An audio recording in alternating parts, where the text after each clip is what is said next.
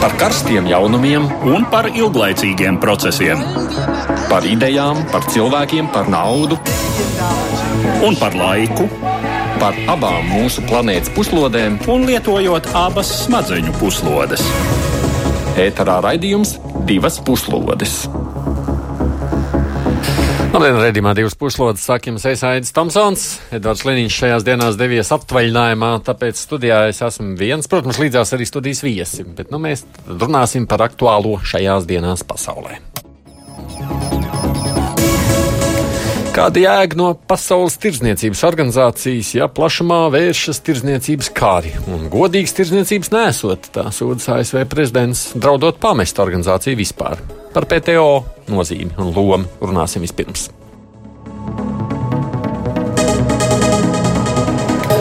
Amerika šajās dienās atvadās no sava senatora Džona Makeina. Viņš Latvijai bijis liels atbalsts un iedrošinājums. Būdams ar savu konsekventu nostāju, Makeins ir iemantojis gan daudzu cieņu, gan arī ienaidu.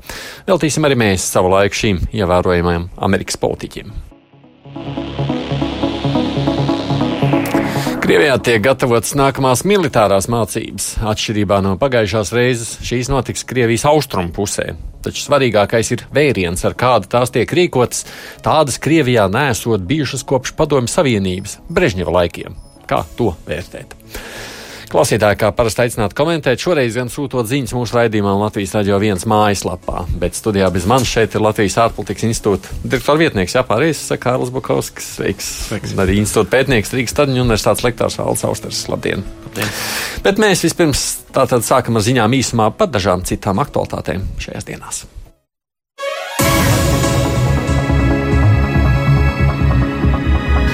Vācijas policija šodien gatavojas jaunam protestam pret imigrantiem austrumpilsētā Kemnicā, kur divi līdzīgi protesti iepriekš pārauguši ir sadursmēs un uzbrukumos ārzemniekiem. Ultralabējais grupējums savā Facebook lapā raksta, ka rīkos protestus sešos vakarā pie pilsētas futbola stadiona. Savukārt Saksijas policija jau ir lūgusi federālās policijas palīdzību. Protesta demonstrācijas Kemnicā sākās pēc naktī uz svētdienu notikušās vāciešu Danielas slepkavības, kuras pastrādāšanā apsūdzēti divi imigranti. Konflikts bija izraisījies ar divām vīriešu grupām, kur laikā trīs vīrieši tika sadurti, bet viens no viņiem vēlāk slimnīcā mīra. Medija vēsta, ka visi sadurtie ir vācieši. Abi aizdomās turētie migranti jau pirmdien ir apcietināti un viņiem izvirzīts apsūdzības slepkavībā. Nedēļas garumā liela uzmanība pievērsta Romas katoļu baznīcas pāvistam, kurš nedēļas nogalē bija vizītē īrijā. Tur viņš vairāk kārt publiski atvainojās par to, ka baznīca gadiem piesakus ziņas par pedofīliju baznīcā un nav atbilstoši reaģējusi. Viņš īrijā aizslēgtām durvīm tikās arī ar vardarbībā cietušajiem, un visi komentētāji atzina, ka šī pāvistam noteikti nebija viegla vizīte. Tomēr viņa pūles izlīdzināt baznīcas vainu nav uzņemts vienādi. Kādi tās ir vērtējuši atzinīgi, tomēr netrūkst arī kritikas, kas sagaida no Vatikāna asāku reakciju. Ļuguni ir pielējis arī kādreizējais Vatikāna diplomāts un arhibīskaps Karlo Vigano, kurš publiski paziņojis, ka gan šis, gan iepriekšējais pāvests jau sen zināja par pedofīliju un arī neko nedarīja, lai to apturētu.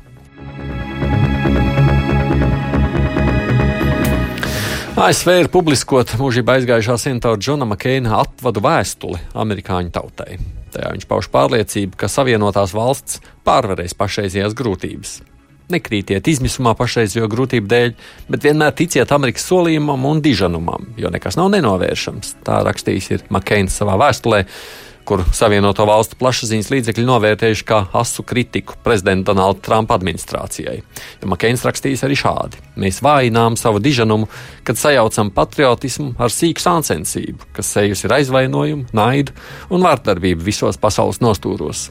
Mēs to vājinām, kad mēs slēpjamies aiz mūriem, nevis tos nojaucam.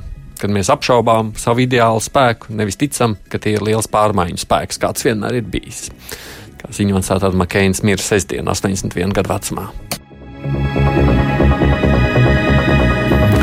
Ķīna apsver iespēju atcelt ierobežojumus attiecībā uz bērnu skaitu ģimenē, kas vienā vai otrā formā ir bijuši spēkā četras desmitgadus. Tā šonadēļ vēsta valsts mediji.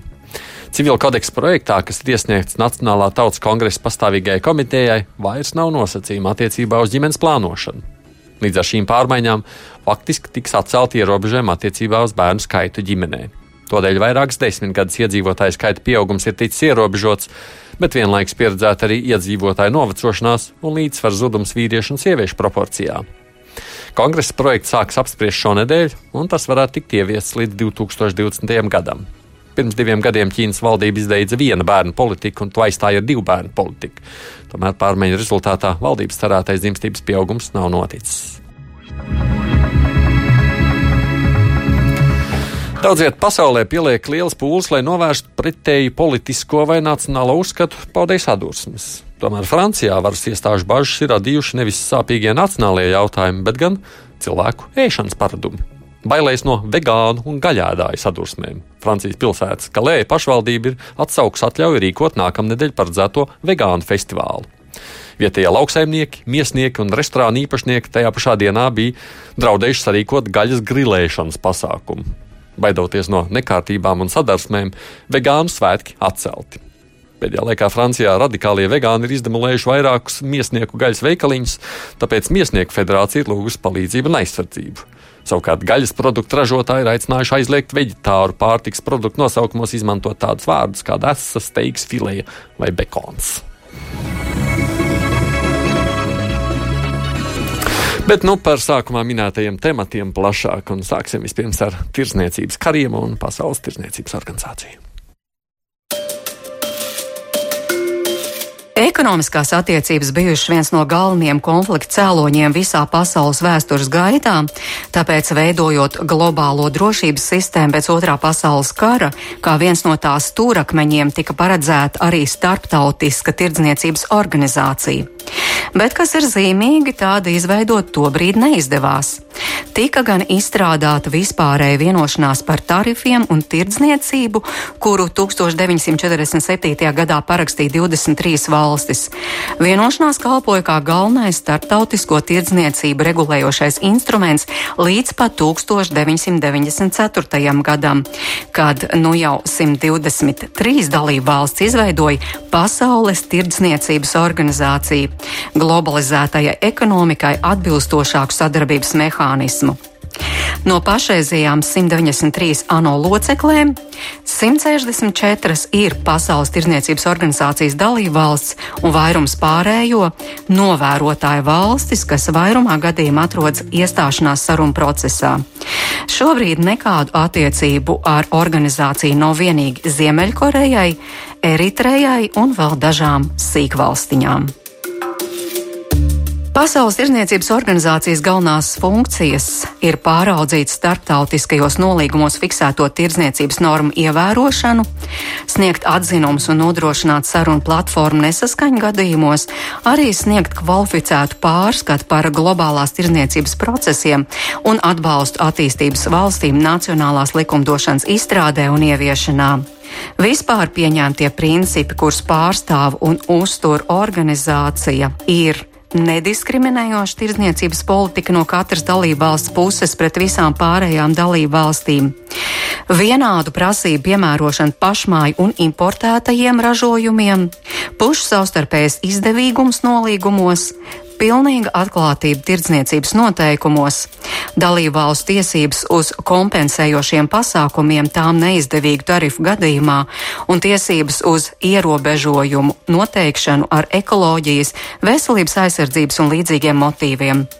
Pasaules tirdzniecības organizācija sev definē kā normās balstītu dalībvalstu kopīgi vadītu organizāciju, kurā dominē konsensa princips. Pēdējā laikā Pasaules tirniecības organizācijas lielākā problēma ir tās ekonomiski spēcīgākās dalībvalsts ASV administrācijas kategoriskā nostāja.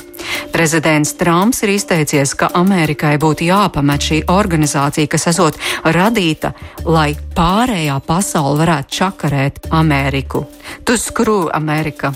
Šādu prezidenta izteikumu kāds anonīms avots citēja ziņu resursam Axios. Savienoto valstu aiziešana no Pasaules tirniecības organizācijas gan ir maz ticama, un to nolieguši arī Baltānām pārstāvi.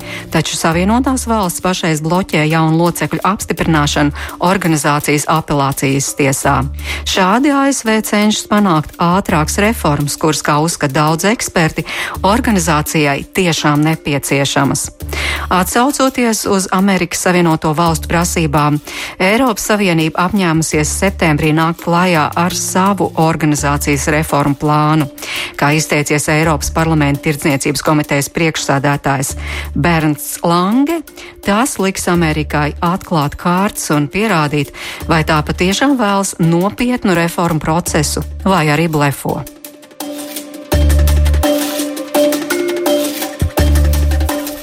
Kādiem kopā ar mums ir arī Alans Austers un Kārls Bukovskis. Kas tad ir par problēmu, kāpēc mēs sakām PTO neefektīva? Vispār kaut ko vajag sagaidīt no tādas organizācijas? Nē, nu PTO. Um, PTO, PTO bija principā izveidošanas sākumā, 47. gadā, viņi jau bija ļoti efektīva organizācija. Un, principā, viņi savu galveno funkciju un savu galveno mērķi, kas ir startautiskās tirzniecības atbrīvošana vai liberalizēšana, viņi, viņi arī paveic. Tas, ko mēs šobrīd runājam, ir par to, ka viņi vienkārši ir, nu, darbs ir izdarīts, tad jautājums, kas tālāk. Un ir vesela kaudz jautājumu, kuros Vienkārši valsts nevēlas tālāk. Nu, tur ir tāds sajūta, ka šobrīd, nu, tā tad labi, kaut kādas idejas ir bijušas, par ko vienojās, par vai nu tirdzniecības nosacījumiem, brīviem un tam līdzīgi, bet valsts jau saka, viņas ignorēt vai neievērot, tā nav? Nu, patiesībā tā īsti nav. Um, problēma ir tā, ka valstis nespēja vienoties par tālāk tirdzniecības liberalizāciju. Šīs sarunas iesprūda jau 2001. gadā. Jo tiešām PTO visu lēmumu tiek pieņemt uz konsensus pamatu, un šobrīd panākt vienošanos gan starp attīstītajām, gan attīstības valstīm ir ļoti grūti. Tur ir par subsīdijām lauksaimniecībā jautājums, tur ir jautājums par sociāliem standartiem attīstības valstīs un tam līdzīgi. Taču no otras puses PTO efektivitāte pierāda tieši caur, šo, caur šiem apelācijas mehānismiem, caur strīdu izšķiršanu. Ja, jo dalība valstis var vērsties uh, pret otru, kā citu dalību valsti gadījumā, ja tiek piemēroti negodīga tirzniecības praksa. Un uh, šajā ziņā PTO ir diezgan efektīvi šie, šie strīdu izšķiršanas mehānismi, tā skaita apelācijas tiesa. Ir, ir, ir darbojās. Un, Kur ir kāds ir piemērs, tas... kad kaut ko tādu ir izdarījis, ja ka kaut kas ir bijis efektīvs? Nē, nu šeit šo, šo strīdu patiesībā ļoti daudz. 17. gada laikā vien tika ierosināts 40 procedūras. Tā kā Konkrēts piemērs es jums nevarēšu nosaukt. Jā. Bet, bet uh, tas ir tas, manā skatījumā mēs, mēs viņi... dzirdam vienkārši regulāri, ka tur saka, Krievija vērsīsies PTO, sakot ar to, ka tur uh, neapmierinātība par kaut ko ASV to paši darījuši citas valsts. Tas... Tieši tā, un tā ir tā problēma, jo, ko, ko Trumps norāda, Trumps norāda, ka šī apelācijas tiesa pārkāpj savus pilnvarus, ka viņi interpretē kopīgos noteikumus par labu citām valstīm, ne Amerikai. Hmm. Un tieši tāpēc arī Trumps kavē šo tiesnešu nomaiņu, tādējādi bloķējot šīs apelācijas tiesas darbību efektīvi. Šobrīd, principā, viņi vēl spēja darboties, bet sākot 90. gadu, kad būs beigušās pilnvaras pārējiem atukšajiem trīs tiesnešiem, tad, tad arī šī institūcija uh, nespēs vairs, vairs turpināt izšķirt šo strīdus. Hmm. Jo lieta ir tāda, ja uh, gadījumā tiesas lēmums ir pozitīvs kādai valstī, tas nozīmē to, ka pret šo valsts, ka šī valsts var veikt pasākumus, lai um, koriģētu citas valsts piemērot negodīgo praksi, un, un tas ir tas, uh, kas uztrauc Ameriku. Kārlis salicis roku un domā kaut ko savu. Nē, nē, es domāju, ka, es domāju, ka tur ir. Uh, Um, kā jau es sāku teikt par to, ka principā mūsdienu pasaule ir nedaudz mainījusies. Nu, šī ideālistiskā pieeja par to, ka globāla mēroga organizācija, kas veicinātu brīvo tirzniecību un ka visiem no tā būtu labums, domāju, ka tā ideja ir, ir, ir pakāpeniski plēnējusi ārā un lielā mērā arī Trumpa politikā mēs redzam, ka nu pat arī tās valstis, kas bija izveidotāji pamatā un kas bija galvenās ieguvējas un galvenās ieinteresētās puses sākumā, um, ir nonākuši situācijā, ka viņas, viņas, viņas nemaz tik brīvi vairs nevar īstenot savus intereses. Viens no tiem lielajiem iemesliem ir tas, ka nu, valsts ir pārgājuši uz reģionāliem tirzniecības līgumiem. Principā šobrīd, nu, 1. 1. maijā, šī gada 1. maijā Pasaules tirzniecības organizācijā bija reģistrētas 287 reģionāli tirzniecības līgumi. Tas nozīmē to, ka valsts principā bilaterāli, multilaterāli, divpusēji, daudzpusēji, respektīvi pieņem lēmumu, ka nu, mēs samazināsim tarifus un, un, un, un konkrēti konkrētiem produktiem, konkrētām lietām, vai pat vispār atcelsim nu, tarifus uz visiem produktiem un pakalpojumiem, bet arī pašā laikā mēs vienkārši to nedarīsim PTO līmenī, vairāk mēs to darīsim vienkārši savstarpēji. Tuvākie redzamākie piemēri, nu, lūk, tas pats Eiropas Savienības Kanādas uh, nolīgums, tieši tas pats arī Eiropas Savienības Japānas nolīgums. Tas ir principā starp diviem lieliem tirzniecības blokiem, mm -hmm. uh, kur rezultātā, uh, rezultātā nu, principā valstis, valstis saprot, ka šis ir daudz vienkāršāks risinājums nekā risināt to globālā mērogā. Tas nozīmē zūdot jēgu tam pašam pēc nu, Protams, nu, vienkārši, ka ir tik daudz. Bet tur jau jāsaprot, ka jā, tie noteikumi ir tādi, ka visi reģionālie tirniecības līgumi ir jāģistrē PTO. -hmm. Un, ja gadījumā ir strīds par, piemēram, reģionālu brīvās tirniecības līgumu, tad vēršās tieši PTO, jo PTO veido šo paneli, saucamo strīdu izšķiršanas paneli, lai, lai izšķirtu strīdus ar divām valstīm, pat ja tas neskar eh, Pasaules tirniecības organizācijas eh, tā teikt, noteikumus. Mm. Jā, un tad pašā laikā tajos reģionālās tirdzniecības līgumos, kā nu kurā, bet nu vienā otrā jau tiek atrunāts jau atsevišķi citas arbitrāžas iespējas jau pat ārpus PTO līguma. Mm. Mēs esam arī sazinājuši šobrīd žurnālistu Paulu Raucepu no žurnāla Lietu Paulu, dzirdi. Hello! Dzirdu, jā. jā. Tavuprāt, kāda ir jēga no Pasaules tirdzniecības organizācijas? Nē, nu, es domāju, ka ļoti būtiski jēga, un es, nepiek, es nepiekrītu, ka organizācija zaudējusi savu nozīmi. Protams, tie tas brīvās tirdzniecības līgums, ko nodrošina PTO, nav tik augsts kā, piemēram, Eiropas Savienības iekšienē, vai arī tas līmenis, ko nodrošina līdz šim Amerikas, uh, Meksikas un Kanādas brīvās tirdzniecības līgums, bet tas tomēr nostāda to pamatlīmeni, kas ir visām valstīm pasaulē jāievēro. Un tad, protams, valsts tur iet tālāk ar saviem tiem papildus līgumiem. Katrā gadījumā uh, ir skaidrs, ka ir zināmas jomas, par kurām bija ļoti grūti vienoties visas pasaules līmenī, piemēram, lauksaimniecību. Bet nu, atsevišķas valsts, nu, kaut kā mēs varam ņemt Eiropas Savienību par piemēru, ir ieviesušas brīvo, brīvo tirdzniecību šajā jomā. Tā ka eh, es teiktu, ka ja šī organizācija tiek grauta, tas, protams, vēl saskaldīs pasaules tirdzniecības sistēmu diezgan nozīmīgi, un tas nebūtu vēlams rezultāts. Bet tā, vai to vajag pilnveidot, tad jāprasa no otras puses? Nu, ir, protams, ir jautājums par to, cik efektīva ir tā arbitrāža, tad līdz šim uh, pārsvarā valsts ir ievērojušas tos uh, pasaules tirdzniecības līguma lēmumus, ja, ja, tas, uh, ja tiek pieņemts lēmums, ka kāda ir ierobežojusi tirdzniecība, viņas tomēr nelabprāt Uh, pārkārtos noteikumus. Uh, lielais iemesls, kāpēc Trumps ir vērsies pret šo organizāciju, ir nevis tāpēc, ka viņš nu, tāpēc, ka ir kaut kāda tāda uzskata, ka viņi ir zaudējuši savu nozīmību, drīzāk viņi ir bijusi pārāk nozīmīgi. Uh, tādā ziņā, ka tad, kad Ķīna tika uzņemta, tas, protams, ļoti nozīmīgi mainīja visu pasaules tirdzniecības sistēmu, jo Ķīna ir tik liela, viņa tik strauji aug, viņa savukārt nu, arī ļoti sat, sacensības starp Ķīnas ražotājiem un citas pasaules ražotājiem ir kļuvusi daudz asāka. Un, uh, tas ir kopumā veicinājis labklājības pieaugumu pasaulē, bet ir grupas, kas no tā ir ļoti zaudējušas. Ļoti konkrētas grupas, ļoti konkrētās vietās, arī Amerikā, arī vairākos štatos, ko Trumps uzvarēja pagājušajās prezidenta vēlēšanās. Un uh, tās grupas ir ļoti neapmierinātas ar Ķīnas iekļaušanu šajā sistēmā. Tāpēc tā vēršanās pret PTO ir drīzāk vēršanās pret Ķīnu nekā pret to sistēmu kopumā. Lai gan mēs arī zinām, ka Trumpam vispār nepatīk brīvās tirdzniecības līguma. Nu, viņš jau no 80. gada uh, beigām ir konsekventi teicis, ka visi brīvās tirdzniecības līgumi nāk tikai Amerikai par sliktu, ka tie kaitē uh, Amerikas strādniecībai. Un, uh, tur, tā ir viena no viņu Uh, konsekventākām politiskām nostājām, kāda viņam vispār ir bijusi. Mm. Paldies, Pauls Rauceps, kolēģis no žurnāla ir. Uh, runājot savukārt par cilvēkiem jau vispār, nu, tas priekšstats tāda pasaules tirniecības organizācija jau neko neizsaka, vai ne? Ikdienā mēs ar to nesaskaramies.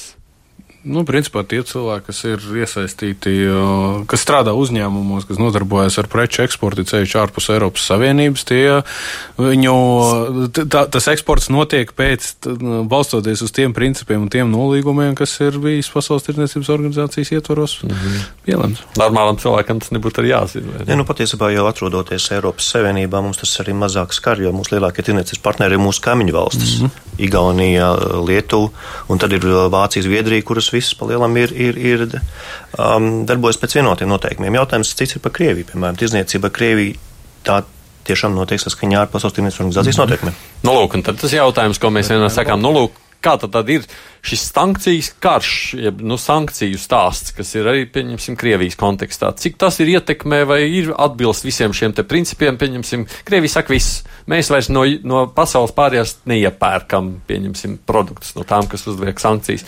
Un tad ir tas jautājums, kur tad ir tas? Nu, nav tik vienkārši, principi. jo Krievija tā īsti nevar pateikt, jo tādā gadījumā pārējās dalībvalstis var vērsties pret pašu Krieviju ja Krievija nevēro noteikumus. Nu, jautājums, vai viņi ievēro vai nē, nu, pieņemsim, pārtiks preces Krievija neiepērk jau daudz gadus, vai ne? Viņi paziņojas, jā, ka tur aizliegts viņiem. Nu, ir, ir, protams, import. izņēmumi, kas attiecas uz, uz pārtiks drošību un nacionālo drošību. Tur, tur šādas noteikumus PTO liel, par lielākoties neregulē, un, diemžēl, tas ir viens no caurumiem, kas ļauj manipulēt ar Pasaules tirdzniecības organizācijas noteikumiem. Um, kāpēc ar šo organizāciju būtu jāmaina? Bet, bet, protams, ir šādas iespējas, bet, teiksim tā, vienkārši pateikt, ka Krievija ne Eh, ne, neļaus importēt pie sevis, piemēram, rūpniecības produktus no Latvijas. To viņi nevar pateikt. No, nu, rūpniecība, siers ir aizliegts, nu, pieņemsim. Ja? Jā, nu, tas, to, to PTO nekādā veidā neregulē. Šajā gadījumā nu, Krievija var tikt sūdzēta uh, PTO, bet tas līdz būtībā beig, beigās nemainīs. Un te, tas, te jau tas fundamentālais stāsts ir, kāpēc arī Aero, uh, ASV draudz par to, ka izstāsies, nu, tāda iespēja pastāv. Un principā, nu, er, tāpēc es Raucepu kungam šajā gadījumā noteikti nepiekritīšu, tikai tāpēc, ka PTO savā veidā ir, uh, nu, viņi ir, tas, tas, tas lielā mērā ir pasaules tirzniecībā un mūsdienu situācijā. Viņš ir nedaudz noiets etaps, viņš ir anahronisms, kas jau ir palicis. Un te ir problēma par to, to, ka tiklīdz būs pirmās valsts, kas pateiks, nē, mēs nerespektēsim to, ko lemj apelācijas tiesa un paneļi un tā tālāk, mums tas neinteresē, tāpēc, ka mēs esam suverēna valsts, un mēs, vai arī šajā gadījumā vienkārši iesniegs, nu, mēs stājamies ārā no organizācijas, un tad arī pakaļ, un tiklīdz būs viena liela nozīmīga, kas to izdarīs, un principā, ja tā būs Amerikas Savienotās valstis, tā arī automātiski notiksies, ka tā principā viņi lielā mērā zaudēs, un mēs paliksim pie šiem te reģionāliem tirzniecības līgumiem, un ar to mēs arī turpināsim darboties, jo principā principā šobrīd tas reģionālo tirdzniecības līgumu apjoms un skaits ir tik liels, ka viņš jau lielā mērā nosedz uh, milzīgu apjomu no tā paša, vai pārklāja to pašu, ko jau PTO dara, tikai vēl padziļinātākā, detalizētākā, plašākā līmenī. Nu, tas tad, es saku, te PTO nākotnes nav tavā skatījumā. Manā skatījumā PTO nākotne ir uh, turpināt eksistēt tik ilgi, kamēr uh, kāds no uh, lielākajiem spēlētājiem turpina respektēt šī formāta eksistenci. Tā principā, ja mēs paskatāmies paskatāmies uz to, kā viņi ir attīstījušies, šis Dohas rauns ir nebeidzams, un acīm redzot, neviens negrib uh, turpināt uh, jebkādā veidā padziļināt šo te uh, PTO vienošanās panākšanas attiecībā uz pakalpojumu sektoru, tas pats, kas attiecās to trips līgumu, kas ir par intelektuālo īpašumu aizsardzību un tā tālāk. Tie visi ir iesprūduši jautājumi, kas acīm redzot norāda uz to, ka tā organizācija uh, savā veidā ir savu, savu nodzīvojusi. Un, ja es atvainojos, bet galvenais dibinātājs un galvenais uh, galvenā ieinteresētā puse, kas bija Amerikas Savienotās valsts, lai šī brīvā tirzniecība iedibinātos un savā veidā ar universāli diezgan interesantu un pat savā veidā ģeniālu principu šo te ieviesa. Pat ja viņi šobrīd saka par to, ka, nu, kam tas viss ir vajadzīgs, mēs, mēs esam nonākuši pilnīgi neizdevīgā situācijā, tad, nu, tad acīm redzot, ir, ir problēma, ir, ir, ir samilzus līdz tam, ka organizācijas eh, fundamentālā jēga var tikt transformēta pamatīgi. Jā, nu te gan jāpiebilst, ka uh, tieši tas fakts, ka ir, ir sardušies tik daudz šo reģionālo tirzniecības līgumu, ka vienkārši nesot šādai organizācijai uh, veidosies milzīgs hauss. Patiesībā zudīs caurskatāmība uh, režīmiem, jo ir jāstāsta, kas ir rakstīts līgumos.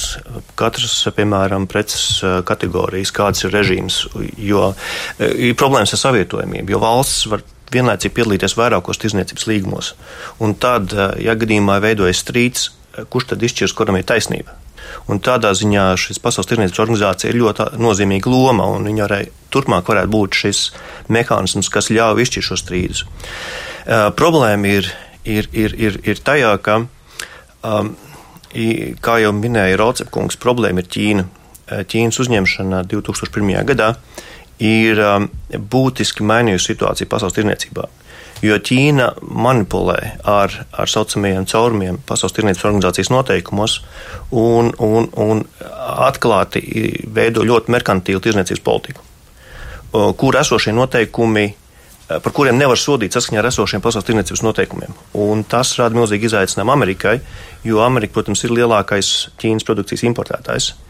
Ja Ķīna ir pasaules rūpnīca, tad Amerika ir pasaules supermarkets.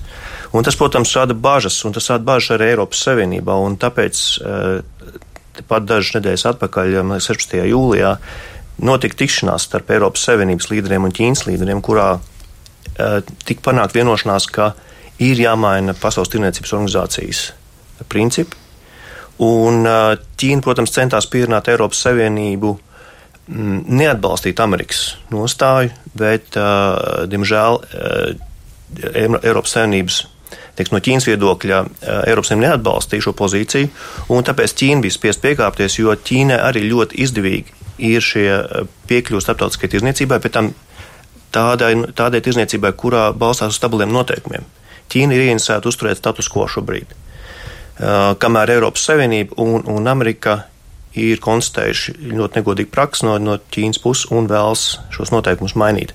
Un iespējams ir kompromiss ap šīm trim valstīm. Pretējā gadījumā, jā, tad būs veidosies uh, vienošanās, iespējams, starp, starp Eiropas Savienību, ja ne pašu Ameriku, tad, kā jau redzam, ar Kanādu noslēpts jau tirdzniecības līgums ar Japānu, tad veidosies lieli, teiksim, starpkontinentālas tirdzniecības uh, vieno, vienošanās. Uh, no kurām tiks izslēgta pirmkārt Ķīna, ja Ķīna nepiekļau, ne, nepiekritīs uh, mainīt savu politiku, un iespējams arī ASV, ja ASV turpinās neatbalstīt daudzpusējas tirniecības līgumus. Hmm.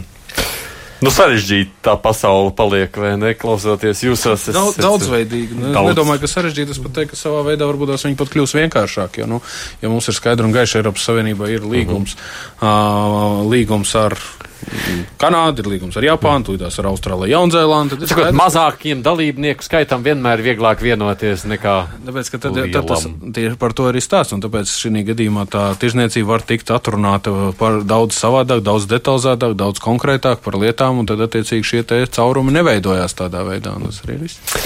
Nu, labi, ASV esam pieminējuši par ASV arī turpināsim, tikai nu, tādā pilnīgi citā kontekstā. Tur šajās dienās notiek dažādi piemiņas pasākumi. Pagājušā sestdienas rītā Esaulē devās ASV senators Džons Makēns. Makēns dzimis militārā ģimenē un sekoja savu tēvu un vectēvu pēdās, studējot Savienoto valstu jūras kara flotas akadēmijā un iestājoties armijā. Taču viņa lidmašīna 1967. gada 26. oktobrī notrieca un pašu Makeinu sagūstīja. Lai arī viņš bija lauzis kaulus, gan glābjoties no krītošās lidmašīnas, gan sagūstīšanas brīdī, viņa gūstītāji atteicās sniegt medicīnisko palīdzību. Tā vietā notika vardarbīga pratināšana, lai no viņa iegūtu informāciju. Slimnīcā Makēns nonāca tikai tad, kad viņa sagūstītāji uzzināja, ka viņa tēvs ir ASV armijas admirālis. Kad 1968. gadā Džons Makēns vecākais kļuva par Savienoto valstu armijas komandieri, vietnamieši piedāvāja Makēnam jaunākajam biļetu uz mājām, taču viņš uzstāja, ka prom dosies tikai tad, ja tiks palaist arī vispārējie amerikāņu gūstekņi. Protams, ka šāda vienošanās netika izskatīta un Makēns vietnamiešu gūstā kopumā pavadīja 5,5 gadus. Armijā viņš turpināja kalpot līdz 1981. gadam. 1982. gadā viņš kļuva par ASV pārstāvju palātas locekli, bet 1986.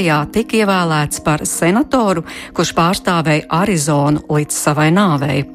Makeins bija republikāns un 2008. gadā cīnījās par prezidenta krēslu, bet zaudēja Barakam Obamam. Būdams senators, Makeins atbalstīja Baltijas valstis, Ukrainu un Grūziju, kuri ieradās vizītēs un mudināja īstenot stingru nostāju pret Vladimiru Putina vadīto Krieviju. Iepriekš minētais kalpojas par iemeslu, lai Krievijas mēdī Makeinu sauktu par rusofobijas simbolu, bet Putins izteicies, ka gūsta laikā Makeinam aizbraucis jumts. Savukārt Baltijas valstī Makeins ir bijis draugs, īpaši drošības jautājumos. Makeina bērnu dievkalpojums Vašingtonas Nacionālajā katedrālē notiks sestdien. Senators tiks abedīts svētdien ASV Jūras kara flotas akadēmijas kapsētā Anapolisā.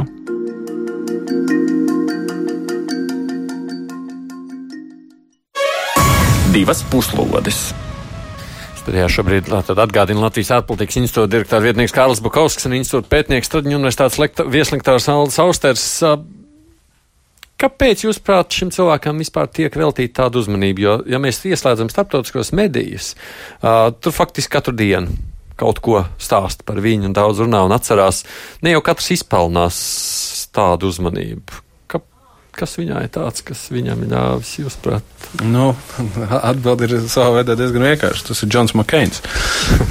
jo nu, šajā gadījumā cilvēks, kurš ir gājis cauri lietām, kuras lielākā daļa cilvēku nav gājuši cauri un cerams nekad arī neies, tas ir viens. Otra lieta, pēc visu pārdzīvotā tāpatās ir spējis kļūt par nozīmīgu politiķu, un te runa par nozīmīgu politiķu, kurš ir tomēr spējis pateikt nē un nav vien, un bijis ar mugurkaulu ļoti daudzos jautājumos, ieskaitot arī šobrīd, vai tas bija par veselības, atteikšanās no Obamas veselības sistēmas. Viņa balsojums bija viens no izšķirošajiem, kas, kas, kas, kas noteica rezultāts.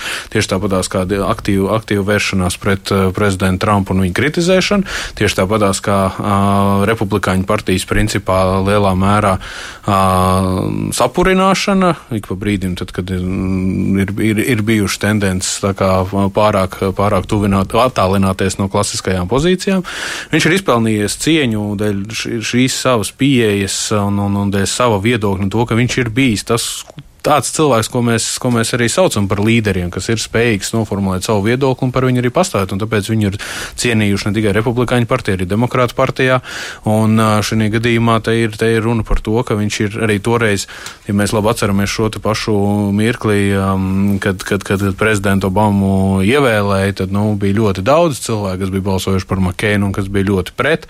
Un tas bija īstenībā Makeina runa, kas, kas, kas, kas nomierināja sabiedrību lielā mērā, pasakot par to, ka nē, respektēsim to, kāda ir uzvara. Un viņš bija tas, kurš pateica un aizgāja un paspiedu roku un, respektīvi, nomierināja lielu daļu sabiedrības, kas tajā brīdī varbūt tās būtu gatavi protestēt tieši tāpat, kā mēs redzējām protestus, kas notika pret prezidentu Trumpu, kurš šajā gadījumā nekādā veidā šo sabiedrības samierināšanu neveic. Tad pašā gadījumā Makeina kungs šo te bija darījis. No Baltijas valstu viedokļa, un Baltijas valsts jau ir tikai maza, maza daļiņa no visa šī te viņa, viņa nezūdošais un, un tradicionālais atbalsts ir bijis svarīgs, un ieskaitot arī 16. gada decembris, kad pēc prezidenta Trumpa ievēlēšanas, pēc tam, ka mums šeit atkal sāka rasties bažas par to, kas notiksies un vai ASV ir mūsu strateģiskais partners vairs nebūs, un vai mēs esam drošībā vai nē. Tas bija viņš, kurš principā atved, atbrauca uz, uz, uz Rīgu, lai pateiktu, nu, ka nē, nu, neklausiet, ko viņš saka. Republikāņu partija tāpat tās ir ar jums. Protams, ka varbūt tās viņš izraisīja savā veidā pretēju efektu par to, ka tajā brīdī mēs sākam satraukties vēl vairāk, ka tas mums likās, ka varbūt tās Trumps nav tik bēdīgs, bet, nu, ja kāds atbrauc un saka, jūs neuztraucieties, tad varbūt tomēr mums jāsāk uztraukties.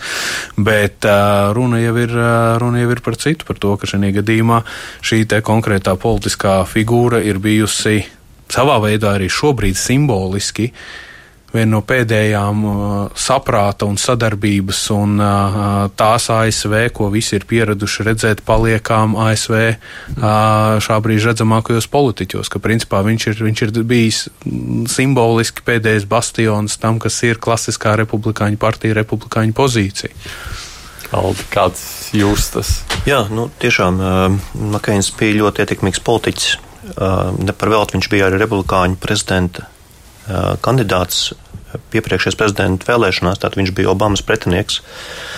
Un, un, un, un arī dzen, tiešām jāpiekrīt, jāpiekrīt Kārlim, ka līdz ar Makēna aiziešanu um, iet zudībā vesela politiķa paudze, kur bija formējusies 20. gadsimta uh, augstākā gados, tad 50, 60, 70 gadi, kuri, kuru atmiņā, kur bija piedzīvojuši paši karu, kā īpaši Makēns, kurš bija karavīrs, un kuram nebija ilūzijas pār totalitāriem režīmiem, par autokrātiskiem režīmiem, par to, ka šādi režīmi ir ļoti bīstami sabiedrībai, pasaules sabiedrībai un arī šos režīmiem, šiem režīmiem ir, ir problēmas ar cilvēktiesību ievērošanu. Un tādējādi Makēns tiešām bija patiesas baltiešu draugs un, un, un īsts Krievijas kritizētājs, Krievijas politikas kritizētājs. Domāju, ka Makēnam nav nekāda pretenzija pret Krieviju, ne par velti viņš ir aicinājis jau paredzot savu drīzu, drīzu nāvi, aicinājis Krievijas disidentu Vladimiru Karamozu nest viņa zārku. Bet tieši viņš vērsies pret, pret šo režīmu, Putina režīmu, Kremļa režīmu, kā šobrīd izveidējies Krievijā. Mums esam sazinājuši šobrīd bijušo Latvijas vēstnieku ASV. Viņš ir ārlietu komisijas saimnes ārlietu komisijas priekšsēdētājs Ojārs Eriks Kalniņš. Kalniņkungs, halo! Jā, sveicināt. Sveicināt. Nu, jūs taču arī esat droši vien ticies nereiz nien, vai ne ar viņu? Uh, diezgan bieži, jo arī, kad es biju vēstnieks 90. gados, uh, viņš jau tad bija ļoti interesēts Baltijas valstīs un Latvijā. Uh, bet es teikšu, ka pēdējos gados ir īpaši Uh, viņš ir braucis uz Rīgu diezgan bieži, arī katru reizi, kad, uh, kad bija kāda saimnes delegācija Vašingtonā, viņš nekad neatteicās ar mums tikties. Uh, es domāju, ka viņš īpaši izceļas ar to lielo atbalstu, ko viņš sniedz mūsu NATO izcilības centra strateģiskā komunikācijā. Uh, jo viņš bija viens no pirmajiem atbalstītājiem un, uh, un pat bija klāts šeit pirms dažiem gadiem, kad mēs to centru atklājām. Kāda ir tā viņa loma, jeb nozīme, ja jūs tādu mēģinātu nodefinēt? Uh, nu, pirmkārt, viņš bija viens no tiem retiem senatoriem, kas ļoti labi pārzina ārpolitiku. Uh, es domāju, ka tur, diemžēl, ar vien mazāk ir tādi, kas ir ārpolitikas eksperti. Otrais ir, ka viņam nebija problēmas strādāt ar opozīciju. Uh, tajā laikā, kad Hillary Clinton bija senatore, viņš ar Hillary strādāja kopā bieži uz jautājumiem, jo viņiem princips bija svarīgāks par politiku. Un, diemžēl mēs to šodien vairs neredzam tik daudz ASV kongresā, kad uh, tāda gatavība strādāt ar opozīciju, lai veiktu kaut ko kopīgu. Mm -hmm. um, ja mēs runājam savukārt par tālāko, nu, tas nozīmē, ka Amerikā tādas no politikas vairs nebūs, vai kāds tomēr ir viņa tāds mantotājs? Es pieņemu, ka būs. Jā, tas tā, tā, tā cilvēki jau atgriezīsies. Uh, nekas nav uz visiem laikiem. Es tikai domāju, ka ir jāgaida. Varbūt tieši tagad ir ļoti vētrains laiks ASV politikā. Viņi ļoti uh, populistiski. Un es domāju, ka jauno paudze nāks tāds. Un e, pat tagad mums ir citi senatori un kongresmeni, kas tomēr ļoti aktīvi mums tiekās un kas ļoti labi pārzina starptautisko politiku. Tā kā mums pie tiem ir jākoncentrējas un jāstrādā. Paldies, Ajāns Eriks Kalniņš, kurš ir saimnes ārlietu komisijas priekšsēdētājs. Es šim aspektam, ka cilvēks netik daudz, viņš bija gatavs pārkārtai politiskai partijas piedarībai un darīt kaut ko pat arī pretēji savas partijas nostājai tā ir tāda salīdzinoši tomēr reta īpašība, ko mēs redzam šajā lietā. Vai Es domāju, es domāju, ka es pilnīgi piekrītu par to, ka nu, tā ir reta, reta īpašība. Es domāju, ka tā ir tie nianse par to, kā pārkāpt, uh, iet pret varbūt tās partijas uh, vairākumu, bet arī pašā laikā nepārmest kažoku uz otru pusi, bet mm. konsekventi pieturēties pie tā, ko viņš uzskata, kā ir pareizi, pat ja viņa partija neuzskata, ka tā ir pareizi. Bet tā pašā laikā otra to uzskata. Un nekad neaiziet no savas partijas, nekad nepārmesties uz citu partiju. Mm. Ko jūs sakāt, vēl noslēdzot šo stāstu par Makeinu? Par Krievijas lamāšanos, teiksim, tā Makeina virzienā, jo viņa faktiski neslēpj to prieku par savu nāvi. Viņš tiešām bija tik nepatīkams Krievijai. Nu, protams, viņš nekautrējās eh, kritizēt eh, Kremli par, par īstenoto politiku gan, gan, gan, gan pašā Krievijā, gan, gan agresiju pret, pret uh, Gruziju un, un arī Ukrainu. Un, protams, viņš nebija patīkams uh, politiķis, jo no Krievijas perspektīvas, kur ir pieradusi pie, pie, pie pieklusinātas opozīcijas, pie principā neeksistējušas opozīcijas mājās, un kad starptautiski kāds skaļi kritizē, tad, tad, protams, tas izraisa ļoti lielu nepatīku. Mm. Ko teiks Kārlis par šo? Mēs tulīt par Krieviju runāsim vienkārši tāpēc. Tas ir tilts uz, tilts uz Krieviju. Ja? Jā. Nu, Makēns noteikti nebija tilts uz Krieviju. Nu, neskatoties atkal jau uz to, ka, nu, ne ir, te, te ir stāsts par to, ka mm, savā veidā Makēna ģeopolitiskā, tāpēc es teicu, klasiskā republikāņu partijas pieeja par to, ka, nu, tieši tā kā padomju savienības eksistences laikā, tieši augstā kara laikā, tieši tāpatās arī mūsdienās, ka šī te tomēr uzmanīšanās no Krievijas ārpolitiskajā politiskajām aktivitātēm, no drošības aktivitātēm, kuru Makeins nekad neaizmirs un vienmēr viss par brīdināja. Nu, tā viņš izpelnījās savu rusofobā statusu, bet arī pašā laikā nu, tas ir, te ir, te ir stāsts par to, ka viņa brīdinājumi, viņa bažas, viņa kaut kāda veida nu, šie te izteikumi, nu, loģiski skatoties no Krievijas puses, nu, neliekas pieņemami. Tad pašā laikā skatoties nu, no daudzu citu valstu puses, viņi atkal ir daudz atbilstošāki. Arī no paša ASV viedokļa raugoties,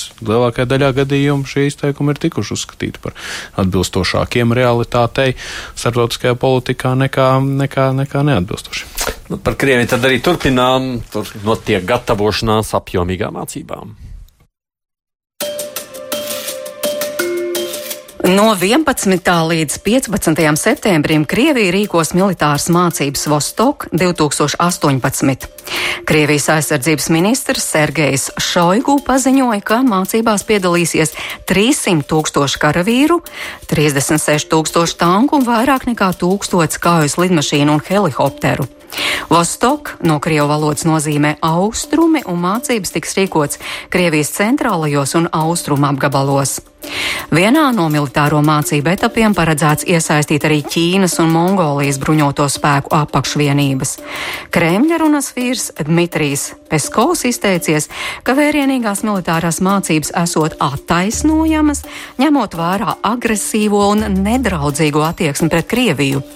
Krievijas aizsardzības ministrs Sergejs Šoigu salīdzināja Vostok 2018 ar Padomju Savienības vērienīgākajiem manevriem Zapad 81, kur ietvaros tika simulēts uzbrukums NATO. Jūsuprāt, kas mums būtu jāsaprot ar šīm mācībām Krievijā? Tas tikai tā kā loģiski, nu, liela armija, tad, tad nezinu, mācības ir vajadzīgas, vai tas tomēr ir kaut kāds signāls no Krievijas? Viennozīmīgi tas ir signāls. Pirmkārt, tas ir signāls um, NATO valstīm, kuras uh, izvērš manevrus šobrīd Latvijas teritorijā un, un arī dzen vēstījumus Amerikai un, un, un, un citiem, ka Krievijai ir tomēr milzīgs militārais potenciāls un, un, un ka Krievija ir jārēķinās. Un ko no tā mēs varam? Mēs jau tāpat zinām, ka viņi tur ir un mācās. Un armija ir tāda, salīdzinoši ar mūsu jau noteikti. Nu, ne ar NATO, bet ar Latviju lielu. Jā, nu, pārsteidz šis apmērs - 300 tūkstoši dalībnieki, tas, tas ir ļoti daudz. Un, protams, ir arī dārgs prieks, par ko ir jāmaksā Krievijai. Un jāatceras, protams, Krievijas militārais budžets ir daudz lielāks nekā Latvijas. Bet uh, Krievijas ekonomika nav samērojama, piemēram, ar ASV ekonomiku. Um, bet, nu jā, ir, ir vēlme tērēties, uh, lai demonstrētu savu, savu militāro varenību un, protams, arī lai trenētu savu, savu karaspēku, kurā ieguldīt daudz līdzekļu. Un tātad, lai piemērot, eh, apmācītu reālām kaujas situācijām, protams, šādu manevru ir jārīko un to rīko citas valstis. Ja, Krievija nav izņēmums, bet nu, tiešām pārsteidz šis, šis apjoms un tas, kā jau minēja jūs pieteikumā, eh, kā reakcija uz agresīvo eh, citu valstu attieksmi pret Krieviju. Mm. Kārli, kādu signālu tu esi uztvēris? Nē, es domāju, ka um, es uztvēru Alda signālu par uh, Alda to, cik, Alda, Alda signālu par to, cik nozīmīgs ir uh, šajā gadījumā tas NATO aspekts. Un es domāju, ka, ja mēs salīdzinām arī ar tām pašām uh, pagājušā gada zapad um, treniņiem, kas nu, bija 100 tūkstoši karavīru piedalīšanās, tad es pieļauju, ka lielā mērā um, iemesls, kāpēc uh, šīs te uh, vēl trīsreiz lielāka izmēra mācības notiek tieši uh, austrumos, nevis rietumos. Ir nu, tikai tāpēc, ka principā, lai tomēr neradītu vēl papildus riska situācijas un papildus spriedzi, jo tie 300 tūkstoši trenētos vēlreiz zapad, tādā gadījumā, nu, es domāju, ka mēs šobrīd tik mierīgi vien uz to visu neskatītos un savā veidā par šo tik mierīgi nerunātu, un šis nebūtu trešā tēma raidījumā, bet tā pašā laikā jāņem vērā ir arī tas, ka, nu, tieši tā simboliski parādīt un simboliski pie, um, tīri praktiski likt darboties arī tiem militārajai infrastruktūrai, kas ir atrodas valsts austrumos, plus vēl ņemot vērā, ka valsts austrumos arī uh, pretinieku um, uh, skaita ziņā, armiju skaita, ziņā, armijnieku skaita ziņā, ja nu gadījumā potenciāli konflikti ietvaros, tad nu, šajā gadījumā uh, ir, ir, ir, ir daudz, daudz skaitlīgāki nekā, nekā tādīs pašos rietumos. Nu, ja mēs paskatāmies uz, uz rietumu pusi, tad nu, cik mums ir pusmiljards, un tad nu, mēs uz Ķīnu, Indijas virzienu skatāmies, tur jau būs kopā jau divi pusmiljardi. Līdz ar to nu, es domāju, ka arī tas ir aspekts, kāpēc nu, šie, šīs mācības tajā austrumu flangā teiksim, ir, teiksim, ir daudz lielākas. Te, protams, tas vienlaicīgi arī uh, rada jautājums par to, ka vai uh, šis savā veidā šī kāpināšana vai, vai ar tiem 300 tūkstošiem tas arī beigsies, un vai vienā brīdī nav tā kā mēs nevaram gaidīt arī kādā vidus, Krievijas vidusdaļā vai nu, tuvāk, tuvāk, tuvāk tuvajiem austrumiem vai kā tam līdzīgi, un uh, tad īpaši atkal rietumos vēl lielāku skaitu militā, nu, dalībnieku militārajās mācībās. Bet nu, es domāju, ka tas šobrīd ir bišķi bišķi pārāk ar šo skatīties. To mēs redzēsim jau nākamgad, aiznākamgad. Mums ir arī šobrīd politologs Kārlis Daugšs, Daugškungs. Halo! Jā. Labdien! Kā jūs, prāt, tad jāuztver šī ziņa par Krievijas tām apjomīgajām mācībām Vostok? Kā jūs to uztverat? Man liekas, ka šeit mēs saskatām arī vēl vienu parādību no blakus nosauktajiem, ko izteica kolēģi. Man liekas, ka tas ir signāls, ka aplenkts cietoksnis psiholoģijai tautas vienotība ap vadoni, ap eliti ir nepieciešama. Un, lūk, arī tā naudiņa, kura ir uh, sakrāta Krievijā, sakarā ar visiem pensijas jautājumiem, ka tomēr ir jādro, jānodrošina Krievijas neatkarība, par ko Putins arī savā runā pēdējā teica. Es saskatu vēl vienu aspektu Tas, šis paziņojums, šādu paziņojums nāca pēc tam, kad trīs vīri satikās Tuvā. Tas ir Bortnieks, Puķins un Šoigu. Un es domāju, ka tas ir brīvdienu sarunas, tomēr ne tikai par dzīvību un medībām, bet arī par, tomēr arī par daudz nopietnākām lietām sakarā ar gan signāliem, kuri spēkot ar Ameriku, gan arī par iekšpolitisko situāciju, kura pat labāk ir diezgan nokaitēta paša Krievijā. Bet tad tādas pagaidām bīstamas sekas tam nevajadzētu būt. Es domāju, ka nē, jo tikko arī NATO pārstāvis Maskavā ir paziņojis, ka Krievijas uh, rīcībai tiks rūpīgi sekot, un Krievija jau ir ielūgusi arī visus uh, militāros NATO attīstības uz šīm mācībām. Un es domāju, ka te ir tāds, tāds spēles moments, gan iekšpolitiski, gan ārpolitiski. Lai parādītu gan varenības, gan arī iekšpolitiski kaut kādas nepieciešamību nostiprināt psiholoģisko atmosfēru. Mm. Paldies! Es jums saku, politologs Kārls Daugšs, kurš no daudz sako notikumiem līdz Krievijā. Man no otras puses tas šķiet ļoti tā paradoxāli, ka situācijā, kad uh, Krievija saka, jā, nu mums pensijām, jā, mums nepietiek, tāpēc mums ir jāceļ pensijas vecums, un tur viss tās negācijas ap to, tad, lai šo nomierinātu, tiek iztērēta nauda militārām mācībām, kas taču arī ir īstenībā budžeta nauda. Vai tas nav paradoxāli? Nu, tā ir Krievija, un, un, un Krievijā mūsu standarti nedarbojās, mūsu sapratne. Ja cilvēkiem ir, viņi ir gatavi, acīm redzot, pieciest sociālās nērtības, bet, lai baudītu šo gandarījumu, ka Krievija ir spēcīga, Krievija nevar manipulēt, Un, un, un, un, un tādējādi šādas mācības, protams, stiprina šādu pārliecību par, par Krievijas kā valsts stiprumu un Krievu garu stiprumu. Pieciest mazāku pensiju, ātrāk, vēlāk pensionēšanās, lai justos gandarīts par to, ka mēs esam militārs. Es ap citu piebildīšu, ka uh, vakar es citu parādījā ziņu, ka Putins jau pārskatījis savus jā, jā, jā. plānus un ir jau dāmām piekāpties. Divas gadus no, nometa. Um, nē, kaut kur, kaut kur pēc, pēc, pēc, pēc loģikas un pēc principa es, es, es Aldam absolūti piekrītu, ka nu, savā veidā te, šī te korelācija ir, bet es sāku domāt par to, ka Nu, ja tā godīgi padomā, nu, vai mēs arī tagad, uh, protams, ka mums arī ir politiķi, kas, uh, kas arī ir teikuši par to, ka, nu, kāpēc mums tie 2% aizsardzība ir jātērē, mums ir sociālai jautājumi, kas mums ir jārisina.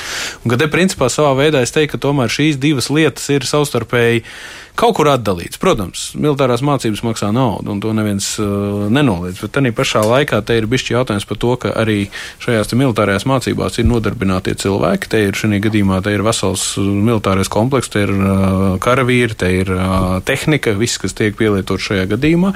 Uh, arī iztērēts, kas rada vēl nepieciešamību vienu lietu testēt ieroču, un otra lieta kā viņus aizvietot un ražot papildus un tā tālāk, kas arī nu, savā veidā kā investīcija daļai darbojas. Protams, viņa ne, nekad šī investīcija nav tik liela, kā viņa tiek iztērēta šādu masveidu apmācību laikā.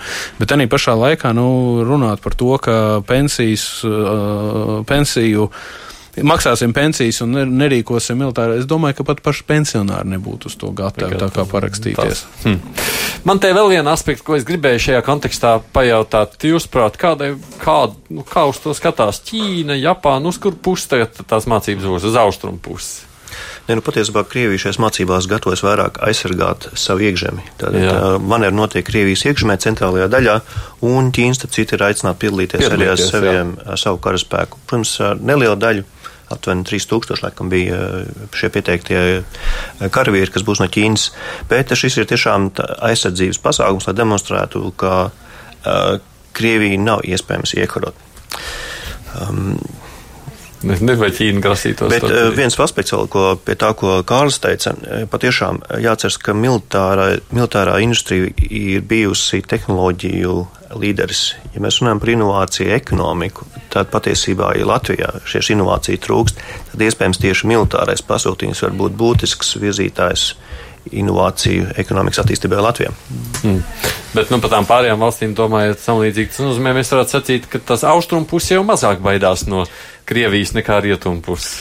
Nē, nu, es domāju, ka tieši tāpatās ir uh, valsts, uh, kā tu pareizi minēji, nu, Japāna, kas uz to skatās uh, nedaudz, nedaudz šķelmīgi, sevišķi ņemot vērā, ka tomēr nu, šīs Ķīnas, bet es, kā jau es minēju iepriekš, es domāju, ka lielā mērā, un to Aldis arī uh, pārapstiprināja, ir tas, ka, nu, fakts, fakts kā tāds, ka tas ir, tas ir aizsardzība pret, un tad ir jautājums aizsardzība pret ko? Nu, ne jau Japāna būs tā, kas uzbruks, tie ir, nu, tā bažas ir drīzāk, kā jau es teicu, nu, Ķīna, Indija, Mongolija var nebūt nebūs tā, kas uzbruks vienkārši. Uh, viņi šajā gadījumā. Jūs iedomāties, kurš grasās uzbrukt šobrīd Krievijai? Uh, nē, nu, bet te jau ir stāsts par to, ka vai, grasā, vai ir reāls draudz vai nav reāls draudz. Tā ir vienkārši atgādinājums par to, ka pat ja jums kādreiz ir ienākusi doma prātā, tad nekā nebija. Mēs tāpat tās atturēsim, mēs tāpat tās esam spējīgi. Te jau ir bišķi atkal tas stāsts par to, kā, kā šī te, teiksim tā, kā šaha galdiņi vai kā zaldātiņi tiek bīdīti pa karti. Un tad ir vienkārši nu, ir šis te mentalitātes pieeja, kura, kura, kura ir absolūti svarīga un, un, un, un nozīmīga. Nu jā, un skatāmies ilgtermiņā, tiešām Ķīnas īstais ģeopolitiskais sāncens nav visi rietumi, bet Ķīna. Jūs pastieties kartes salīdziniet, kas notiek Ķīnas pusē un Krievijas pusē. Krievijas pusē ir viens dzelzceļš un viena šoseja kas iet cauri Sibīrijai.